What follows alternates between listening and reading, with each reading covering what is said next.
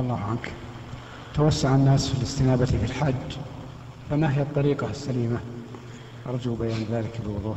جزاكم الله. بارك الله فيك. توسع الناس في الاستنابة في الحج.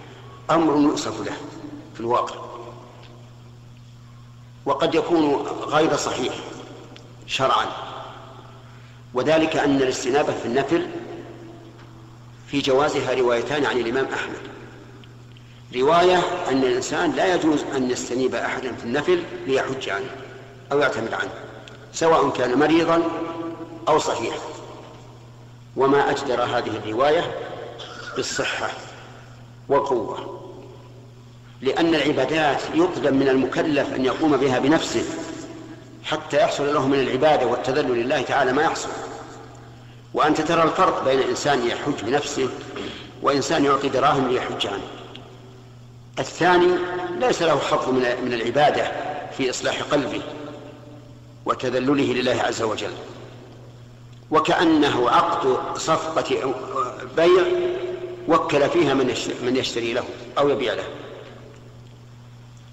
وإذا كان مريضا وأراد أن يستجيب في النفل فيقال هذا لم يأتي لم تأتي به السنة.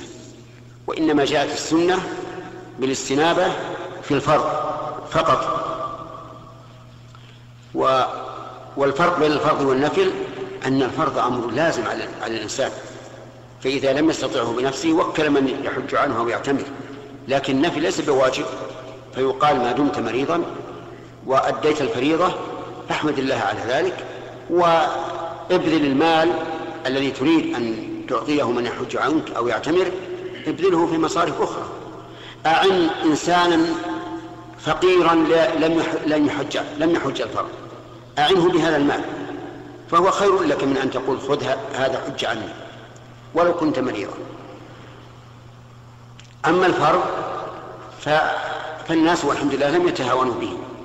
لا تكاد تجد أحدا يوكل عنه من يحج فريضة إلا وهو غير قادر وهذا جاءت به السنة كما في حديث عبد الله بن عباس رضي الله عنهما أن امرأة أتت النبي صلى الله عليه وسلم فقالت يا رسول الله إن فريضة الله على عباده بالحج أدركت أبي شيخا كبيرا لا يثبت على الراحلة أفأحج أحج عنه؟ قال نعم حج عنه.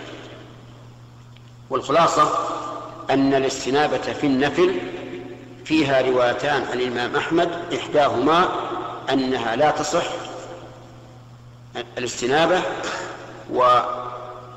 والرواية الثانية أنها تصح الاستنابة من القادر وغير القادر والصواب والأقرب للصواب بلا شك عندي أن الاستنابة في النفل لا تصح لا للعاجز ولا للقادر.